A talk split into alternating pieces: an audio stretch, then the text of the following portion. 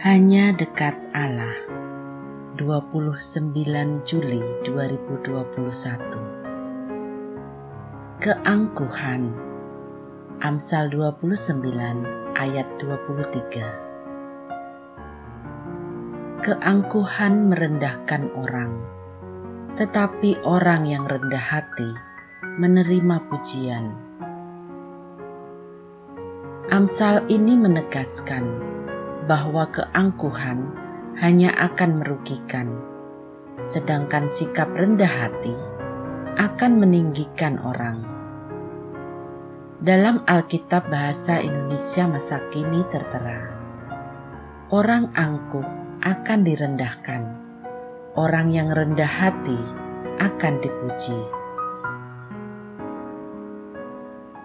Pada kenyataannya memang demikian keangkuhan hanya akan membuat kita kehilangan teman sejati.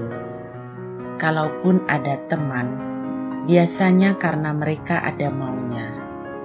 Sehingga jalan yang terlogis adalah jangan mengambil posisi yang lebih tinggi dari orang lain. Dalam Kamus Besar Bahasa Indonesia, angkuh merupakan kata sifat yang berarti sifat suka memandang rendah kepada orang lain, tinggi hati, sombong, congkak. Sesungguhnya sifat ini sangat merugikan diri sendiri, karena pada dasarnya, dalam dirinya sendiri, manusia selalu ingin dipandang setara. Memandang rendah orang lain hanya akan membuat kita menambah jumlah orang yang tidak suka dengan kita. Pertanyaannya, mengapa ada orang yang memandang rendah orang lain? Mungkin karena dengan demikian dia bisa menganggap dirinya lebih tinggi dari orang lain.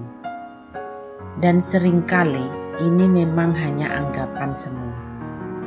Repotnya ketika orang itu merasa anggapannya benar.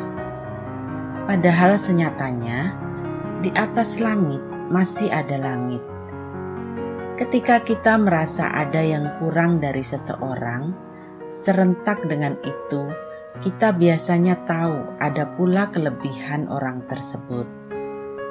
Sehingga merendahkan orang lain sesungguhnya sikap yang tak masuk akal sama sekali.